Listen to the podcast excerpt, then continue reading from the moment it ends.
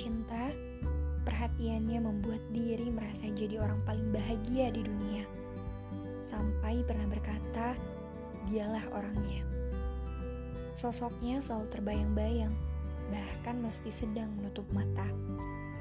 Ke mana-mana selalu bersama, apa pun dilakukan asalkan dia bahagia.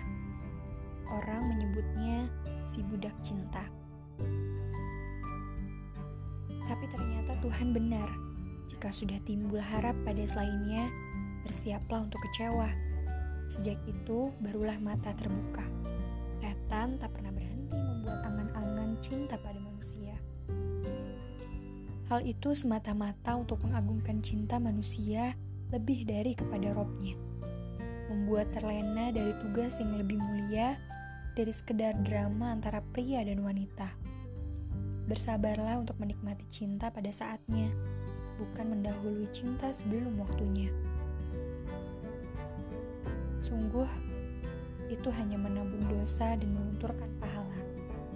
Kejarlah cinta hanya darinya, raihlah ridhonya, biar dia yang mengatur jodohmu. Karena yang menjadi jodohmu pasti akan datang bertamu.